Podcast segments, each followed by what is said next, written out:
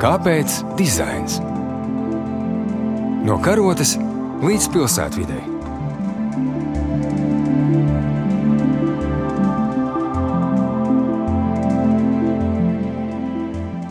Labdien, klausītāji! Klasikas studijā ir Ilza Martinsone, Latvijas arhitektūras muzeja vadītāja, un mans viesis šodien ir dizainers Germāns Ermičs.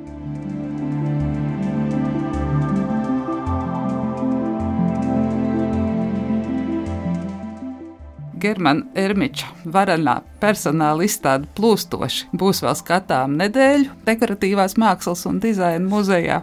Aicinu visus klausītājus, kuri vēl šo izstādi nav redzējuši, ar to iepazīties. Tāpēc, ka tas tiešām ir tāds īpašs, nebijis liels notikums. Pirmkārt, ka mums viesojās tāda mēroga starptautiska zvaigzne.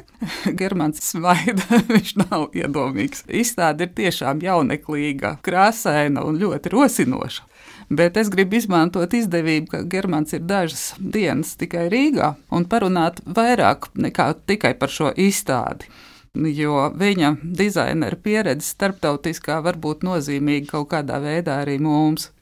Tā kā es pats strādāju Mākslas akadēmijā, lasu vieslekcijas un regulāri tiekos arī Rīgas dizaina mākslas vidusskolā, recenzējot diplomu darbus ar jauniem topošiem dizaineriem.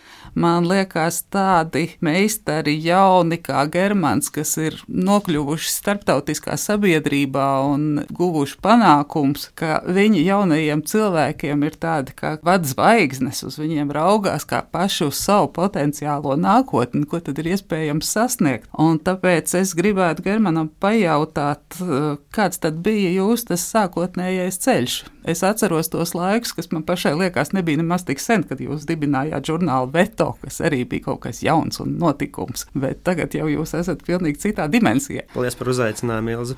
Jā, tas ceļš sākās man jau liekas, diezgan sen. Esmu gājis dažādiem etapiem cauri, sākot grafisko dizainu un Veto žurnālu, ko mēs dibinājām tālajā 2000. 7. gadā. Tieši tajā laikā es arī sāku mācīties Eindhovenā, dizaina akadēmijā. Un tur varētu teikt, ka es sāku savu dizaina ceļu, sāku mācīties. Un, um, pabeidzot skolu, man vēl īsti nebija skaidrs, kā, kur, ko darīt. Tāpēc es atgriezos uz gadu atpakaļ Latvijā, lai vienkārši atvilktu elpu un attiektu no mācībām un izdomātu jaunu plānu, Un gadu vēlāk aizbraucu atpakaļ uz Amsterdamu, jo es sapratu, ka visi mani kontakti, profesionālās intereses bija saistīts ar Nīderlandi. Tur es sāku strādāt sākumā dizaina studijās pie citiem, un gadus divus vēlāk es domāju, ka beidzot esmu gatavs un nobriedzis sākt strādāt ar saviem projektiem. Tad 2014. gadā dibināju savu studiju. Bet nekāda Latvijas mākslas izglītība tev iepriekš nebija. Nē, nebija. Pabeidzot vidusskolu, pusgadu vienīgi nomācījos RTU, arī dizaina fakultātē, bet tas īsti nebija tas, ko es vēlējos. Un īstenībā pusgadu vēlāk es pārtraucu mācības. Un vēl viens iztrukstošais posms bija, ka es aizbraucu uz Dāniju, kur divus gadus nodzīvoju, kurus arī mācījos dizainu un vēlāk arī praksējos grafikas dizaina studijā. Tas arī bija diezgan svarīgs posms manā dzīvē, kur es pirmo reizi saskāros ar uh, dizainu tādu, kādu es tagad to saprotu. Tas bija Skandināvijā, kur dizaina tradīcijas ir diezgan senas un klātesošas. Pirmo reizi sapratu, kā cilvēki dzīvo ar dizainu, kā cilvēki domā par dizainu, cilvēki runā un lieto to ikdienā. Tas bija tāds, jā, mana pirmā iepazīšanās, jo šeit, būdams Rīgā, man tā sapratne par dizainu vēl nebija tik skaidra un definēta. Tad vēlāk mācoties, es guvu lielāku priekšstatu. Kāpēc tu izvēlējies tieši Eindhovenu, šo holandiešu virzienu? Jo īstenībā holandieši arī, manuprāt, dzīvo ar dizainu, bet viņiem ir kaut kāds savs skatījums. Nu, vismaz tas, ko es zinu, kas pasaulē ir populārs, drugu dizaina un tāda filozofiska domāšana. Iepazīstoties ar dizainu Dānijā, es, protams, iepazinos ar Dānijas dizaina klasiku, amatniecību un visu to, kas viņiem ir apkārt ikdienā. Tas man radīja pirmo priekšstatu, kā es teicu, par dizainu, bet um, ieraugot draugu dizainu, holandiešu dizainu, bija ļoti pārsteigts, jo es neko tādu savā dzīvē nebiju redzējis. Tas bija um, nezinu, krēsli uztaisīti no veciem tepiķiem, bieži vien klātesoši bija humors, tur bija kāda reakcija, un tas man ļoti likās interesanti un aizrāva. Un es nezināju, ka tas ir no Nīderlandes, es nezināju sākumā, vai tas nāk no Eindhovens, un tas viss man rosināja milzīgi interesi par šo dizainu, un tad es kaut kā lēnām atklāju no kurienes tas nāk, un es uzzināju par tādu skolu, un tā bija tā skola, kuras noteikti gribēju mācīties.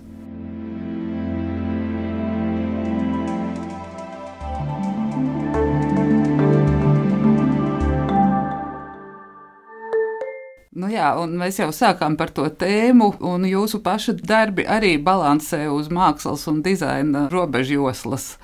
Un es saprotu, ka tāds jau bija diploma darbs, izometriskie spoguļi. Tad arī šī augstskola, acīm redzot, šo virzienu pieļauj un piekopja. Mākslas akadēmijā bija viena brīdi uzskats, ka jaunie dizaineri, kas mācās mums mākslas akadēmijas jumta, ir pārāk aizrāvušies ar mākslu. Un, nu, sevišķi tas bija 90. gados, tad, kad mums vispār rūpniecība kolapsēja un dizaineriem nebija īsti ko darīt, un viņi devās izstāžu zālēs. Bija ideja, ka dizaina vispār vajag izglītību izcelt no mākslas akadēmijas ārā, jo tur ir daudz tehniska un ir, ir funkcija, un ka mēs pa maza to nodarbojamies. Bet pasaulē, kā mēs skatāmies, šis mākslas virziens tomēr ir perspektīvs, par to liecina arī jūsu darbi. Kāpēc tas ir perspektīvs? Jā, tas ir viens no pieejamiem, manuprāt, jo Okay, es pieņemu to, ka es neesmu tipisks industriālais dizainers, bet uh, savukārt es ticu, ka es varu arī strādāt ar tādu no savas puses pieejot ar konceptu un materiālu eksperimentiem. Man liekas, tas galamērķis var būt viens, bet veidi, kā tur nokļūt, var būt ļoti dažādi. Un, man liekas, tas ir ļoti būtiski, ka Enhovenā mēs mācījāmies strādāt ar konceptu, ar pašu ideju, izstrādāt to uz papīra, saprast, ko mēs vēlamies izdarīt. Nu, piemēram, lai uztaisītu krēslu, mums bija jāsaprot, kāpēc mēs vispār tādu gribētu taisīt. Jo mēs nerisinājām nevienu problēmu. Drīzāk mums vajadzēja izdomāt stāstu, kāpēc kaut kam tādam ir jāeksistē.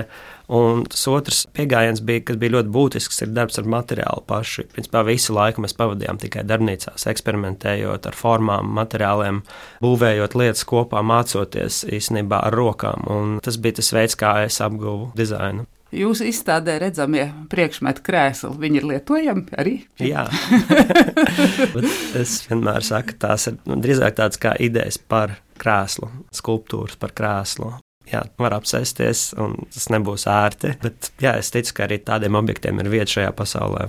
Nu jā, to pierādīja jau postmodernismu posms, kad radās radikāla reakcija uz tikai uz funkcionālo. Un, Jans Bolins šķiet uzvārdā radīja betonu krēslu Zviedrijā un šokēja visus slaveno Zviedrijas augstskolu ar savu diplomu darbu. Mēs saprotam, ka šis virziens ir vajadzīgs. Bet tālāk es gribēju jautāt tieši par materiālu, jo īstenībā pašlaik ir Latvijā ārkārtīgi aktuāls brīdis. Latvijas mākslas skolās šobrīd tiek realizēta ļoti radikāla reforma, atsakoties no studijām ar konkrētiem materiāliem. Mums tradicionāli ir bijušas keramikas nodaļas nodaļas, stikla nodaļas, kur jaunie topošie mm. dizaineri mācās tieši to.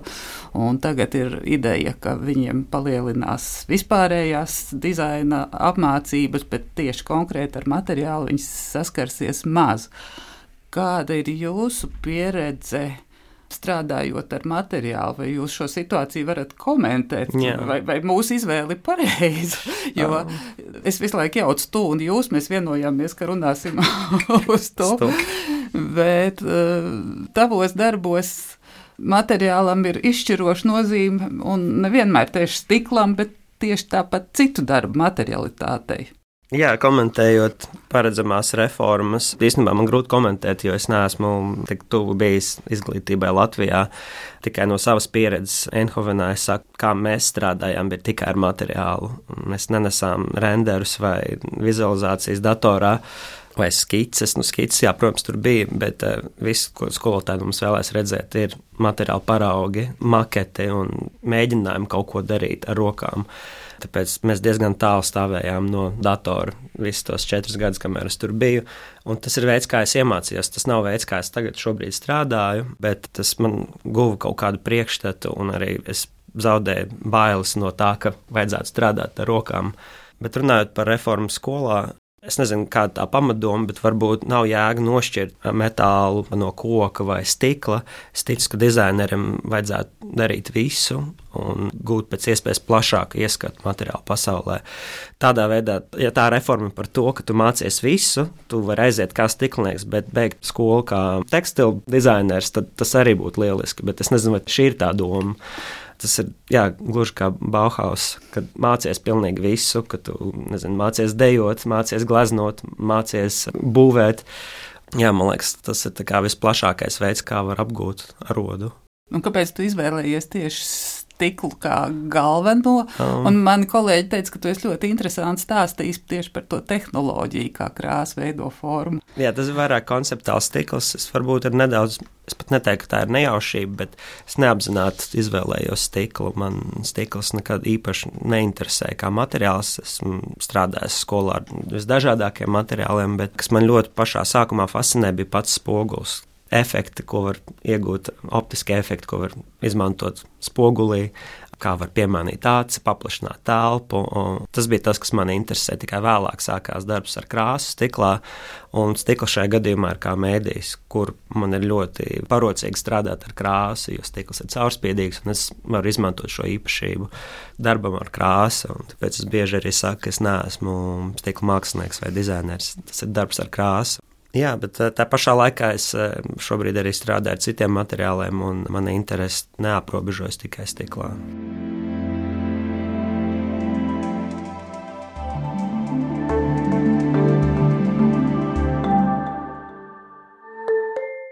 Vēl man ir pavisam cits jautājums es mēģinu iedomāties, ko nozīmē būt dizaina studijas īpašniekam Amsterdamā. Jo tavai studijai jau pavisam drīz būs desmit gadi, tā tad ir tāda stabila pieredze. Man, starp citu, aizkustināja viens absolūts sīkums tavā mājaslapā, ka tu esi norādījis savu vārdu un uzvārdu latviskā transkripcijā.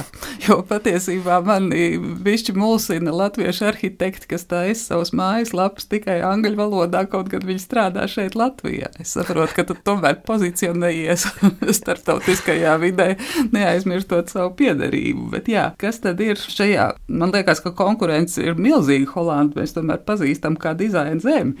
Kāda ir konkurence, kas ir tavu pasūtītāji? Jā, par to, kā ir būt Amsterdamā ar savu dizaina studiju. Tas, man liekas, ir pavisam normāli un maniem daudziem skolas biedriem ir savas studijas, un daudziem ir savas dizaina karjeras. Nevienmēr cilvēki, protams, izvēlās pēc skolas, ka viņi grib būt par dizaineriem. Daudz ir vienkārši dizaina pasaulē vai cilvēki kurē vai raksta vai um, menedžē projekts. Tur ir diezgan plašs spektrs, kā tu vari iesaistīties dizainā. Un, uh, Pirmkārt, sākt savu praksi Nīderlandē bija diezgan vienkārši. Likumdošana diezgan sakārtot, lai atvērtu savu biznesu, lai to vadītu, maksātu nodokļus. Tas viss diezgan saprotami, pat ja tas viss ir holandiski. Kas ir ļoti svarīgi, ir, ir atbalsts. Tā vide ir ļoti iekļaujoša, plus ir diezgan liels atbalsts iesācējiem, māksliniekiem un dizaineriem, arhitektiem.